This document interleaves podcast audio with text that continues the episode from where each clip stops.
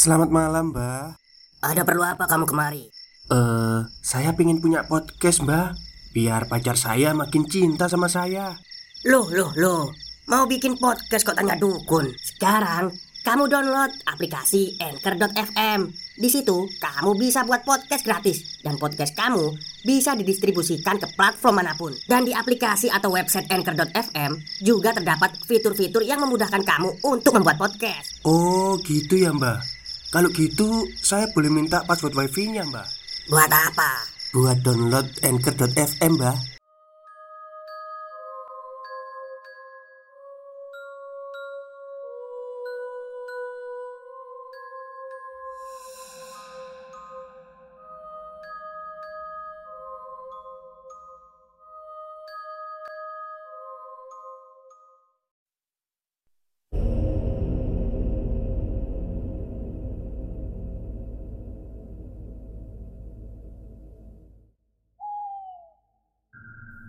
Assalamualaikum warahmatullahi wabarakatuh. Halo semuanya, jumpa lagi dengan saya Chow Sing Sing Kurator dari Podcast Horror Night Story.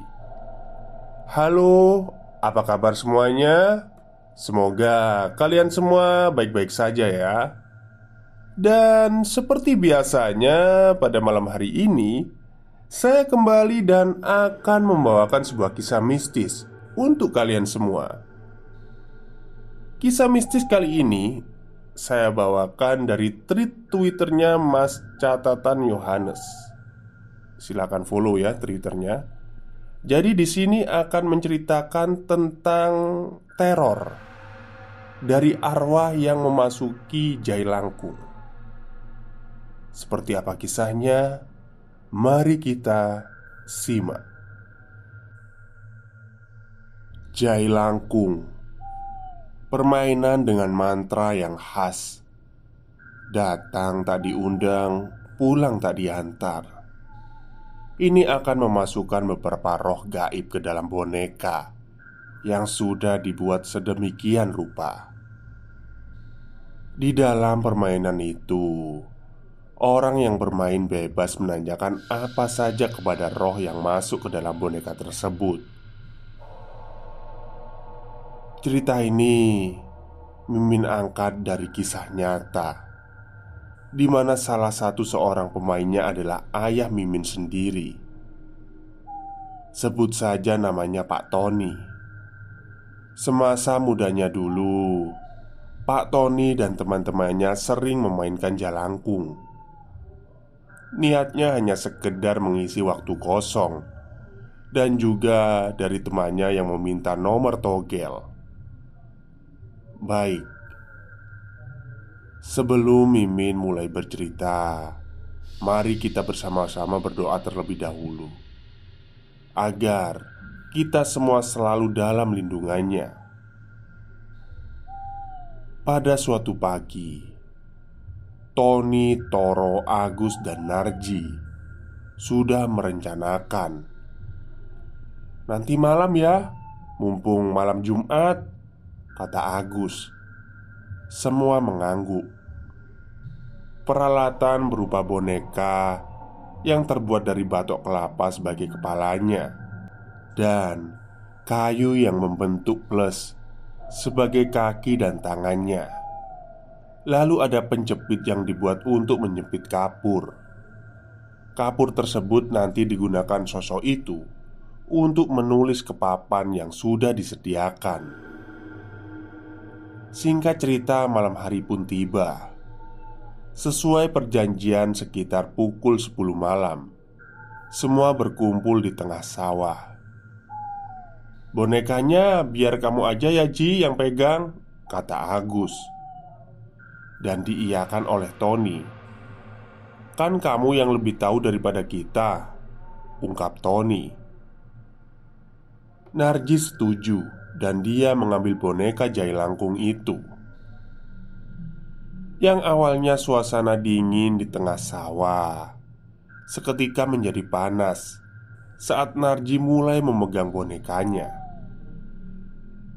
Papan tulis disiapkan semua mulai melantunkan mantra pemanggil arwah-arwah penasaran untuk masuk ke dalam boneka tersebut. Tangan Narji mulai bergerak sendiri. Semakin lama, semakin cepat. Sudah ada sosok yang masuk ke dalam boneka itu. "Siapa kamu?" tanya Tony. Jai Langkung itu mulai bergerak menuju papan tulis yang masih dipegang Narji dan menuliskannya sebuah nama. "Amir," kata Toro. Lalu Toro melanjutkan untuk bertanya, "Dari mana kamu?" "Paraktis," kata Agus. "Di mana itu?" kata Agus. Tulisan yang tidak begitu jelas membuat mereka harus pintar dalam mengeja kata atau kalimat dari Jai Langkung tersebut. Jai Langkung itu mulai bergerak kembali untuk menuliskan sesuatu. Paraktritis. Oh, mungkin maksudnya parangtritis, Gus, kata Toro. Meskipun tidak ada yang indigo, namun Keempat orang ini tergolong manusia berani. Tidak lama Jai Langkung itu menuliskan sebuah kata lagi. Darah. Sontak. Membuat keempat orang itu kaget. Darah apa? Ditanya oleh Toro. Kematian. Kata Jai Langkung itu dengan metode penulisan. Kamu bunuh diri Tanya Tony. Dibunuh Jawab Jai Langkung itu. Mereka semua kaget Lalu bertanya lagi. Dibunuh di perang Tritis? Tanya Tony lagi. Tidak di rumah Jawab Jai Langkung itu. Suasana mulai mencekam. Tony menoleh ke arah Agus Sambil isyarat dikeluarkan saja. Lalu Narji mencoba menyuruh arwah Amir ini Untuk keluar dari boneka Jailangkung itu. Namun Jailangkung itu kembali bergerak dan menuliskan Cari pembunuhku. Tony memberikan isyarat dengan menggelengkan kepalanya. Begitu juga dengan Agus dan Toro kepada Narji kami tidak bisa Kata Nargi sembari melanjutkan omongannya. Kamu pulang saja.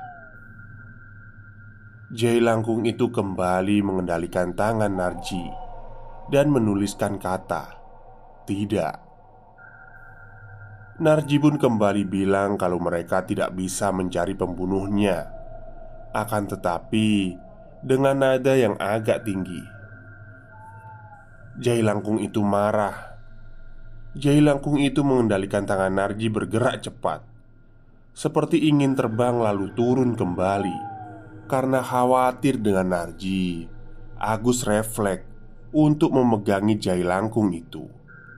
Namun, tetap saja tidak kuat dibuatnya. Tangan mereka berdua kalah kuat dengan energi arwah di dalam boneka. Tidak lama, mereka berdua terpental ke belakang Dan Jai Langkung itu seperti terlempar. Toro berdiri membantu dan membangunkan Narji dan Agus. Lalu Tony mengambil boneka Jai Langkung itu. Sudah keluar Kata Tony. Namun Bukannya kapok. Mereka malah mencoba memasukkan arwah lainnya mereka kembali duduk melingkar dan membacakan mantra-mantra pemanggil arwah. Kali ini, boneka dipegang oleh Tony karena Narji yang sudah dibuat kelelahan oleh arwah Amir. Mantra sudah dibacakan, namun masih saja belum ada arwah yang masuk. Mereka terus mengulang mantra itu Barulah yang ketiga kalinya Jai Langkung mulai bergerak pelan. "Masuk, masuk," kata Tony kepada Toro. Masih pelan, belum sepenuhnya masuk. Lalu mereka membacakan kembali mantranya, dan benar, gerakan Jai Langkung mulai cepat. Kali ini Tony kewalahan. Tony hanya bisa diam karena bingung bagaimana cara mengendalikan Jai Langkung itu. "Siapa yang ada di sini?" tanya Narji. Jai Langkung itu mulai menuliskan sebuah nama. Susiati. "Cewek dia, seru nih," kata Agus. Semuanya tertawa. "Dari mana kamu?" Kata Narji. "Lawu." Jawab tulisan Jai Langkung itu. "Kamu dari bangsa manusia apa jin?" tanya Agus. "Manusia," kata Jai Langkungnya. "Meninggalmu karena apa?" Kembali Agus bertanya. "Gantung, susah nafas." Lalu Jai Langkung itu menambahi dengan tulisan susah nafas. Oh, mungkin maksudnya Dia meninggal karena bunuh diri Dengan cara gantung diri Jelas Narji. Lalu keluargamu sekarang di mana? Lanjut Narji. Barat. Jawab Jai Langkung itu Kenapa kamu tidak kembali ke keluargamu? Tanya Agus. Kasihan ibu Kata Jai Langkung itu. Tony memberi isyarat. Dia kelelahan memegangi boneka itu yang terus bergerak. Tunggu-tunggu, seru nih. Jai Langkung itu Tiba-tiba menuliskan kata lagi. Darah. Darah Darah apa? Di sini nggak ada darah. Tegas Narji ke arwah yang ada di dalam boneka Jai Langkung itu.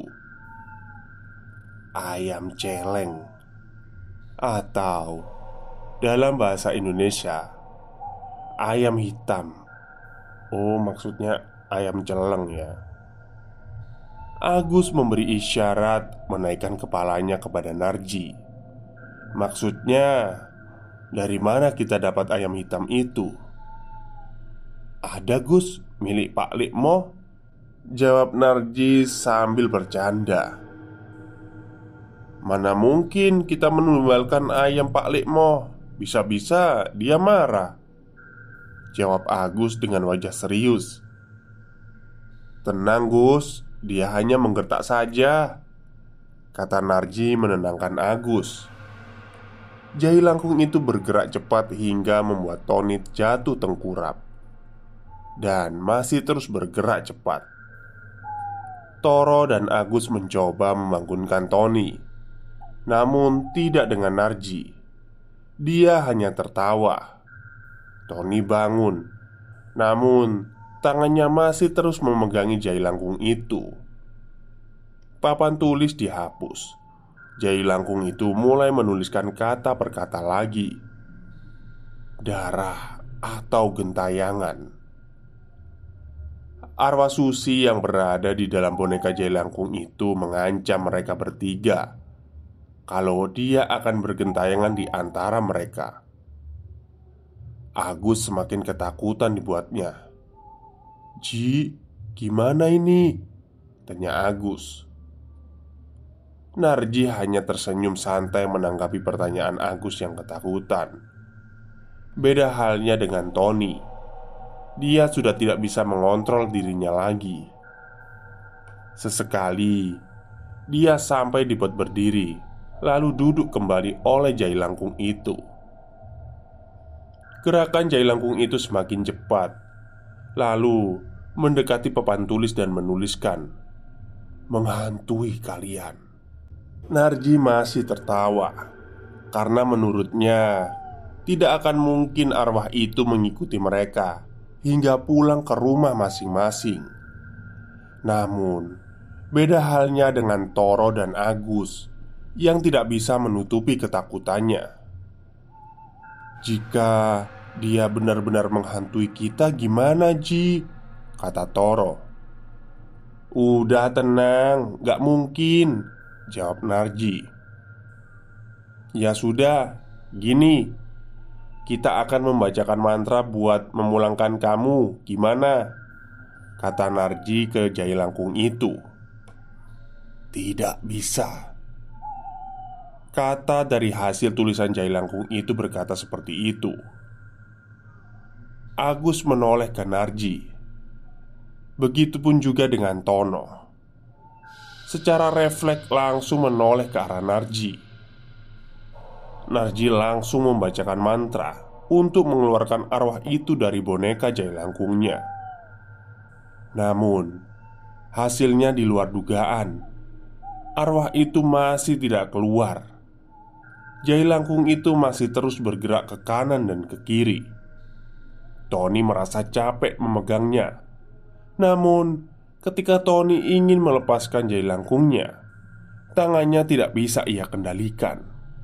"Waduh, ini kenapa bisa begini?" kata Tony. Jai Langkung itu kembali menuliskan kata-kata, "Kalian mati. Stop, stop.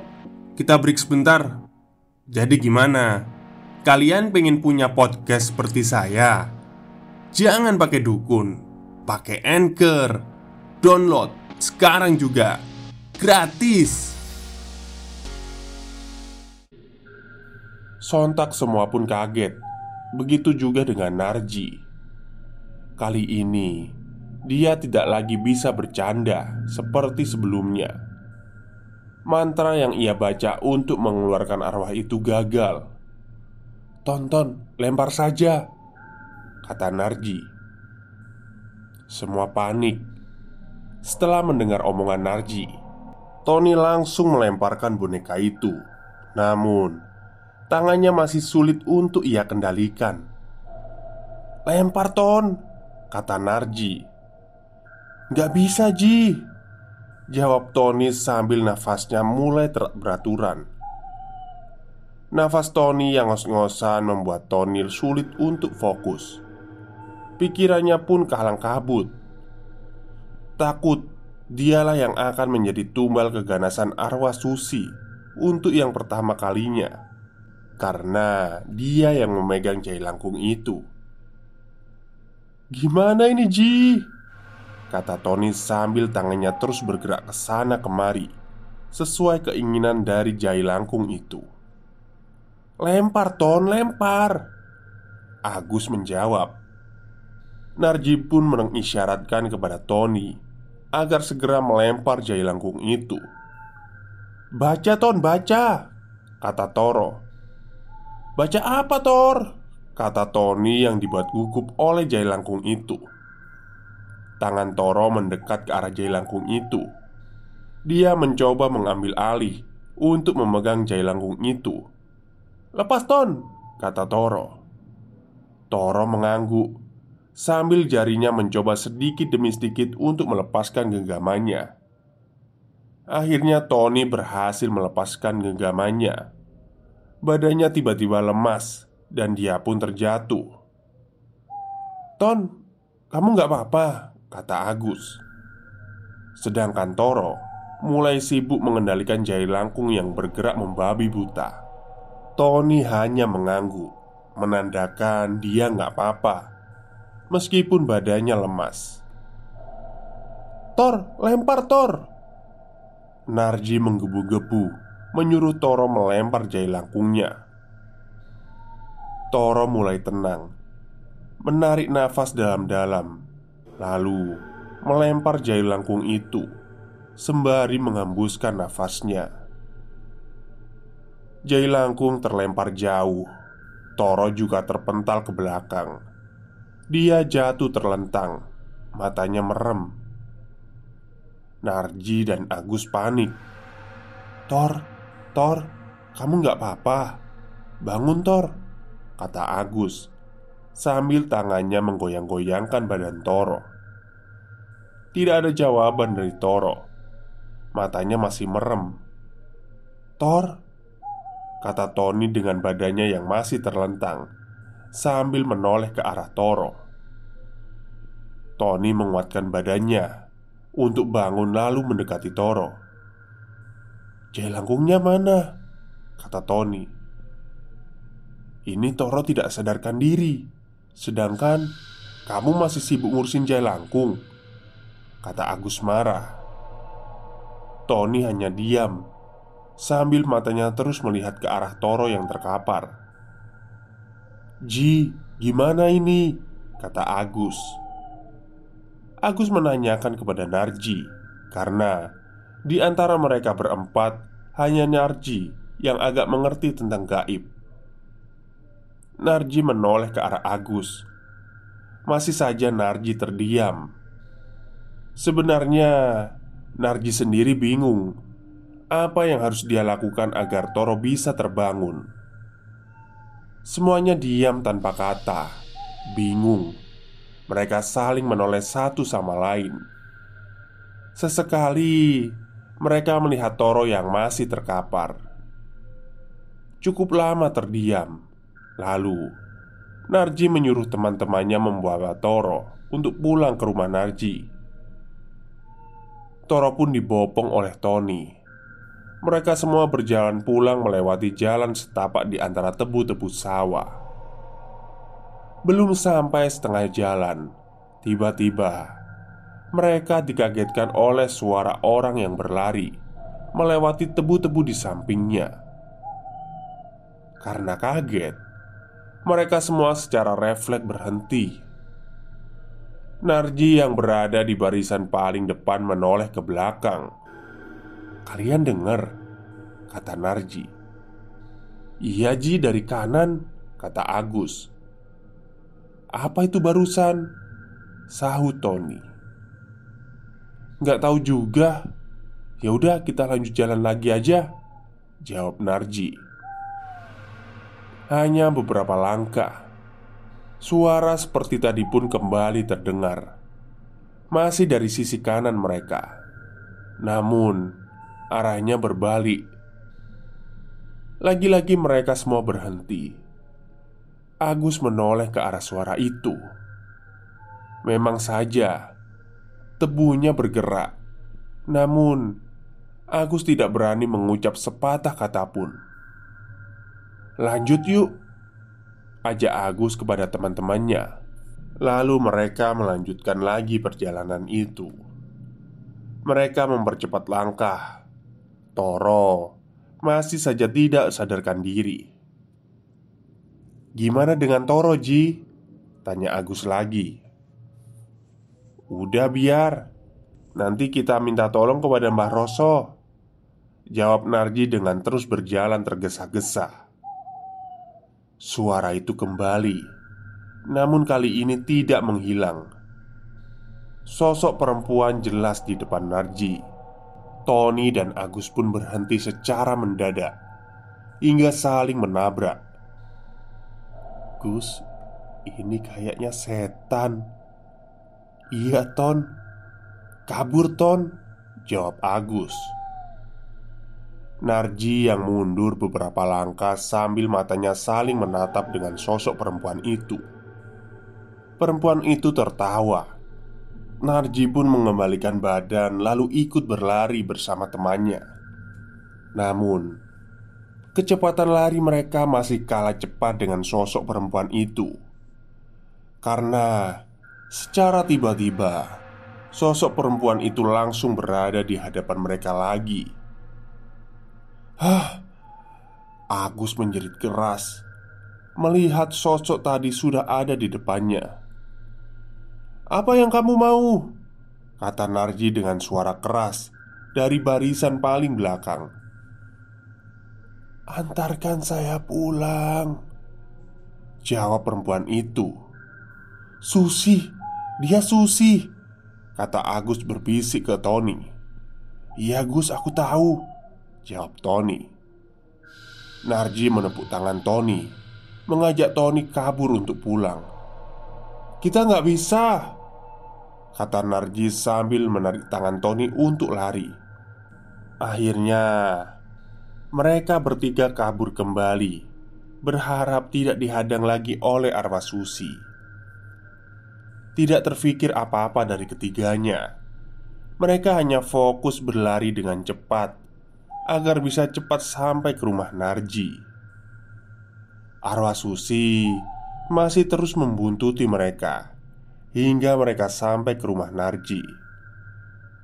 Niat Narji yang ingin membawa Toro ke Mbah Roso diurungkan karena Toro sudah siuman, meskipun keadaannya masih lemas. "Sudah bangun kamu, Tor?" kata Narji. "Eh."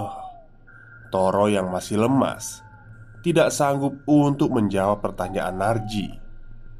Namun, Erangannya sudah cukup membuat mereka memastikan Toro sudah sadarkan diri. Di tengah-tengah istirahat, mereka tiba-tiba mendengar lagi suara tertawa perempuan yang menghancurkan ketenangan mereka. "Susi, Ji," kata Agus. "Iya, Ji. Gimana ini? Kita diikutin." Sambung Tony. Belum sempat Narji menjawab. Tiba-tiba Toro bangun. Setelah duduk dia menanyakan kepada teman-temannya Kenapa Susi? Kita biarkan saja. Kita lupakan Susi Agar dia tidak semakin mengganggu kita Jawab Narji. Ini ada apa sih? Tanya Toro lagi Susi mengikuti kita, Tor Jawab Agus. Oh iya iya aku ingat. Tadi aku mimpi dikejar-kejar hantu kuntilanak Kata Toro. Lalu gimana Tor? Ya udah gitu aja. Tapi Ji Kejadian kejar-kejaranku tadi sama kuntilanak Sepertinya lama banget Kata Toro yang kembali menjelaskan kejadian di mimpinya. Itu Susi Thor. Sontak Tony nyeletuk. Iya Thor itu Susi.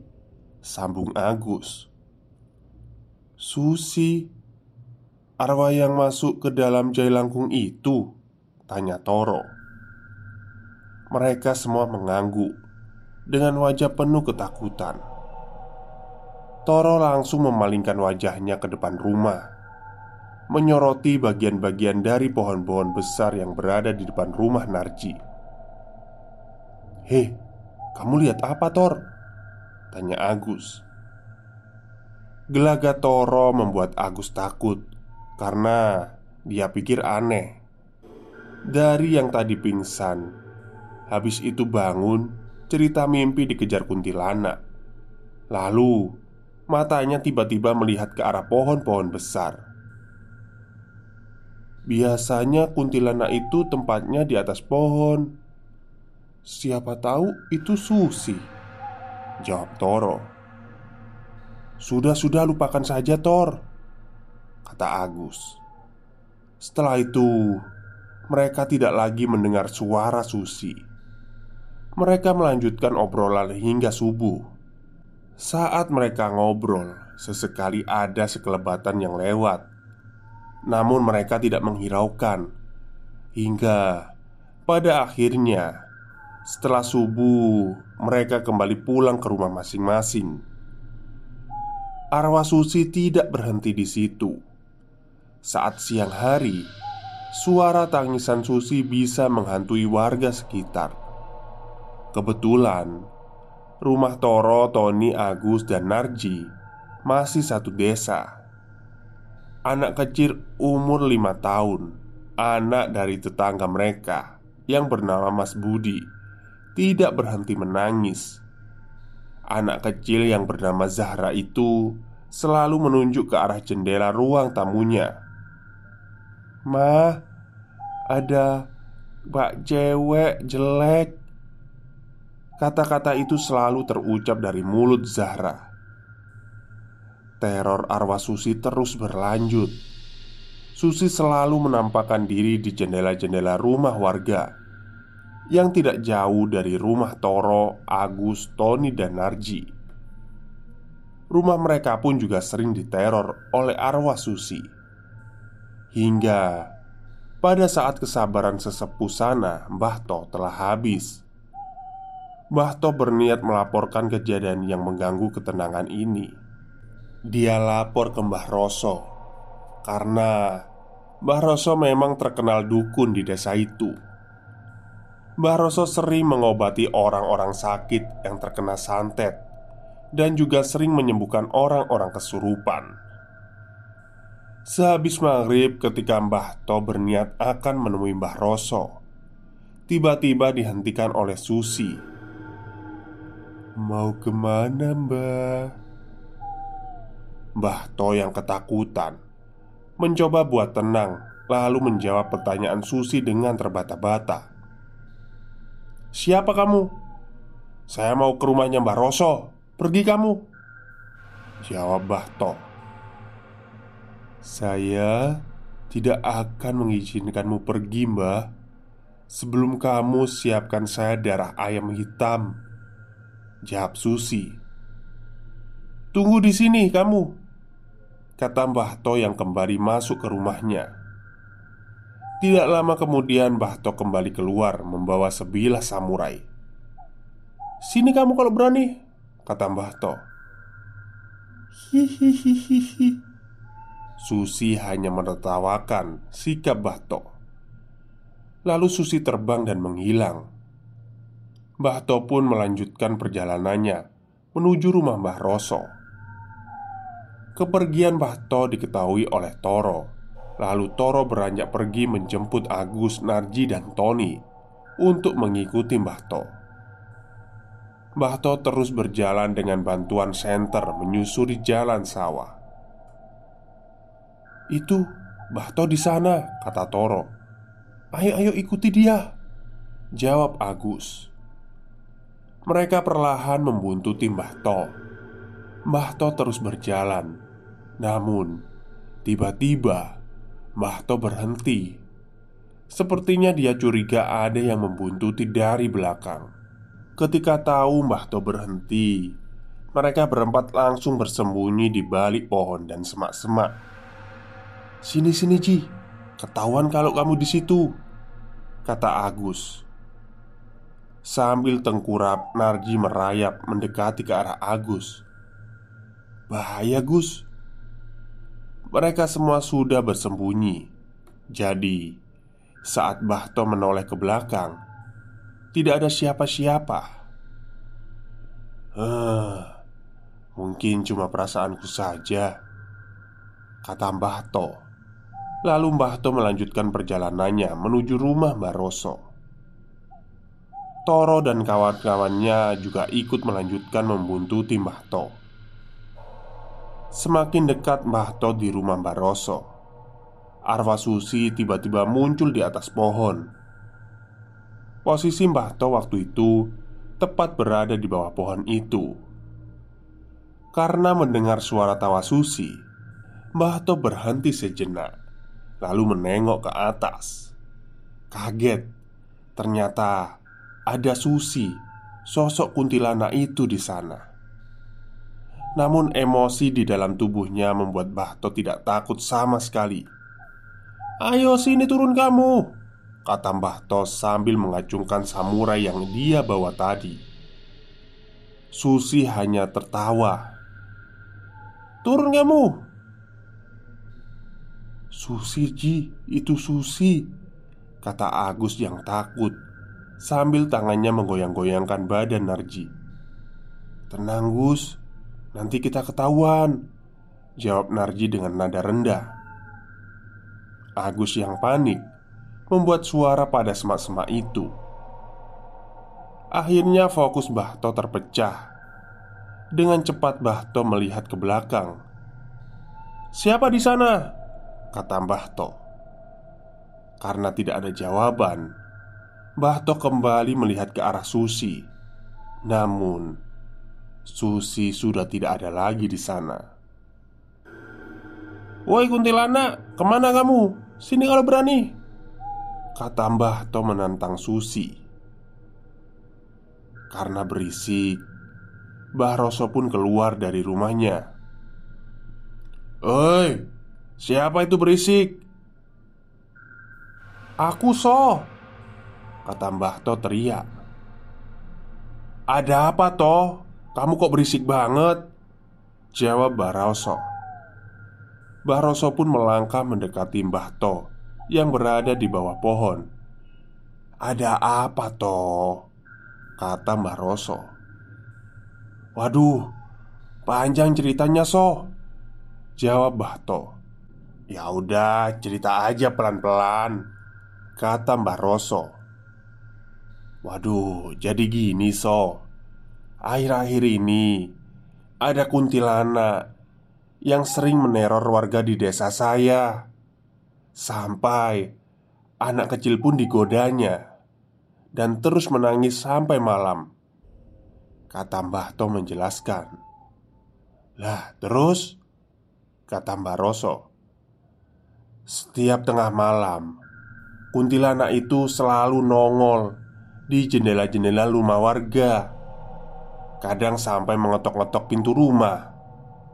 Godaannya bukan cuma semalam saja toh Siang hari pun kuntilanak itu juga muncul Di sini aku mau minta tolong ke kamu so Buat ngusir kuntilanak itu dari desa saya Kata Mbah To Oh ya udah sekarang aja Jawab Baroso Mbah menyetujui.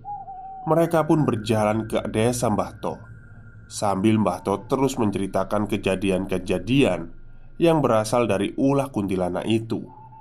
Tadi aja sewaktu aku mau ke sini, Dia nongol di atas pohon itu Kata Mbah To sambil menunjuk ke pohon tadi.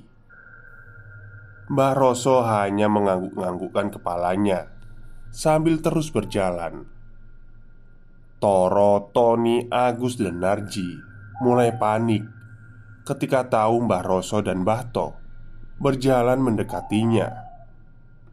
Agus mulai merayap ke arah balik pohon besar yang ditutupi semak belukar.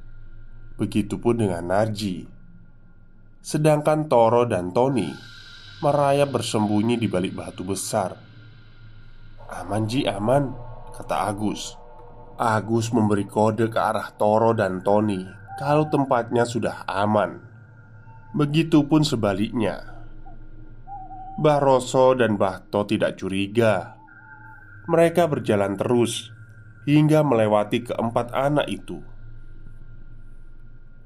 Agus mencoba memanggil Toro dan Tony, melempar kerikil ke arah Toro dan Tony.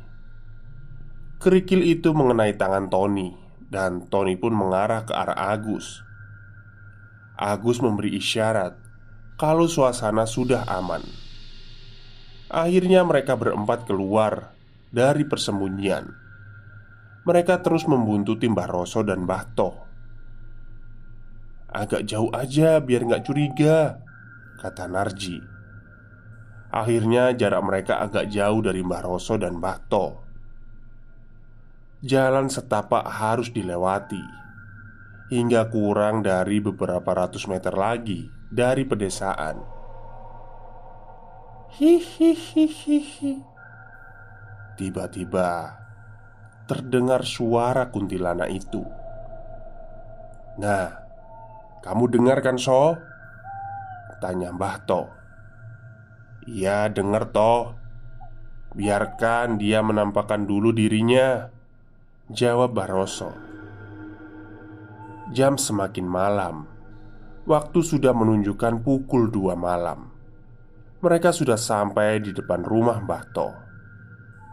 Di mana biasanya toh? Tanya Mbah Roso. Waduh, pindah-pindah so. Biasanya dia nangkring di atas pohon-pohon itu. Jawab Mbah To Kemenyan merah yang waktu itu aku kasih ke kamu ada toh? Tanya Mbah Roso Eh masih ada so, buat apa? Ya buat ngundang dia agar dia mau datang. Jawab Baroso. Akhirnya Mbah To pun masuk ke dalam rumahnya Mengambil kemenyan itu Tidak lama kemudian dia keluar Sambil membawa sebungkus kemenyan merah dan perampen. Ini soh Kata Mbah To Mbah Roso mengambilnya Lalu mengeluarkan korek api dari sakunya. Sambil menaruhnya di tanah Mbah Roso mulai membakar kemenyan itu dan membacakan beberapa mantra. Tony, Toro, Agus, dan Narji melihat dari kejauhan di balik pohon mangga besar. "Sini kamu, duduk di sebelahku, toh." Mbah Roso menyuruh Mbah To untuk duduk di sampingnya. Mbah To mengangguk, lalu duduk di samping Mbah Roso sambil ikut membakar kemenyan. Setelah dikasih tahu mantranya, Mbah To pun ikut membacakan mantranya bersama-sama dengan Mbah Roso. Ayo kita taruhan. Susi datang apa enggak ya? Tantang Narji. Gak akan datang kayaknya. Susi takut sama Mbah So. Jawab Tony. Iya, dia takut mati dua kali. Hehehe. Kata Toro menambahi Oke kita taruhan Aku milih Susi datang Kata Narji Akhirnya Mereka saling menunggu Sedangkan Bahto dan Meroso Masih membacakan mantranya Kayaknya gak mungkin datang Ji Kata Tony Gak datang Kata siapa aku nggak datang? Mereka semua dibuat kaget dengan suara itu. Diam-diam ternyata Susi sudah ada di antara mereka. Suara itu adalah suara Susi. Serentak, mereka pun keluar dari persembunyian, berlari ke arah Mbah Roso dan Mbah To yang masih sibuk membaca mantra. Teriakan mereka mengajaukan fokus kedua mbah itu. Akhirnya, Mbah Roso dan Mbah Tom menghentikan ritualnya. Hehehe, ada apa sih, Le? Kok sampai teriak-teriak? Mbah Roso bertanya kepada mereka berempat. Itu, Mbah, sus, sus, kata Agus yang dihentikan oleh Narji. Ada kuntilanak, Mbah, Narji menimpali omongan Agus agar tidak ketahuan kalau sebenarnya teror Susi ini akibat ulah mereka. Mbak Roso langsung berdiri. "Di mana, Le?" tanya Mbak Roso. "Di situ, Mbah." Serentak mereka menjawab sambil menunjuk ke arah pohon mangga. Tanpa basa-basi, Mbah Roso pun langsung berjalan cepat ke arah pohon itu. Mbah Roso dan keempat anak itu juga ikut mengikuti Mbah Roso. Sesampainya mereka di bawah pohon itu, Mbah Roso menengok ke sana kemari, mencari keberadaan Susi. Begitupun dengan yang lain. Mana le nggak ada ini? Kata Mbah Roso. Belum sempat mereka menjawab, suara tawa Susi menghentikan tanda tanya yang ada di kepala Mbah Roso.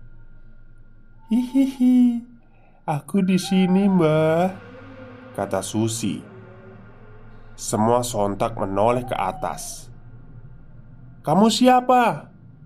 Apa tujuanmu mengganggu warga desa ini?" tanya Mbah Roso.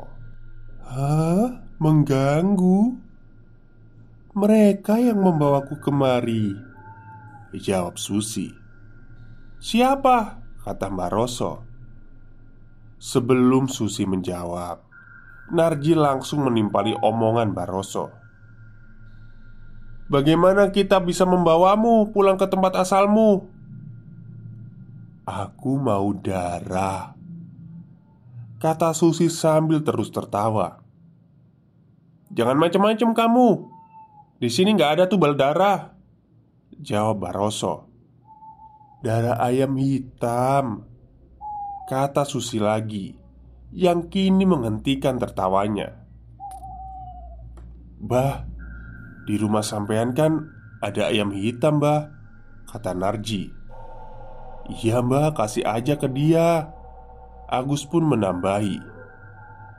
Mbah Roso menoleh ke arah Agus dan Narji yang memelas. Iya mbah Minta tolong mbah Tony pun ikut menambahi. Oke oke Saya kasih kamu darah ayam hitam Asal kamu benar-benar pergi dari sini Kata Mbah Roso. Mereka semua pun lega dengan keputusan Mbah Roso Yang merelakan ayamnya dijadikan tumbal. Susi tertawa makin keras Membuat mereka menutup telinga. Besok pagi kamu datang ke rumah. Saya siapkan darah ayam hitamnya. Setelah itu, kamu pergi dari sini dan jangan sampai kembali lagi," kata Mbak Roso. Susi mengiyakan perjanjian dengan Mbak Roso. Lalu dia menghilang. Mbak Roso pun menyuruh Mbah To dan keempat anak itu agar datang ke rumahnya, menyiapkan tumbal ayam hitam esok paginya. Mereka pun menyetujui. Lalu mereka pun bilang untuk pulang ke rumah masing-masing. Begitupun dengan Mbah Roso yang kembali menuju rumahnya.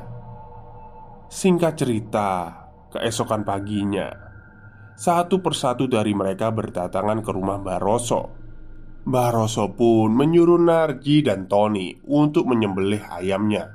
Lalu Agus Toro dan Bahto disuruh menyiapkan sesajen yang lain. Sesudah disembelih, darah ayam itu ditaruh ke sebuah baskom. "Jangan semua, dipindah aja ke gelas," kata Mbah Roso.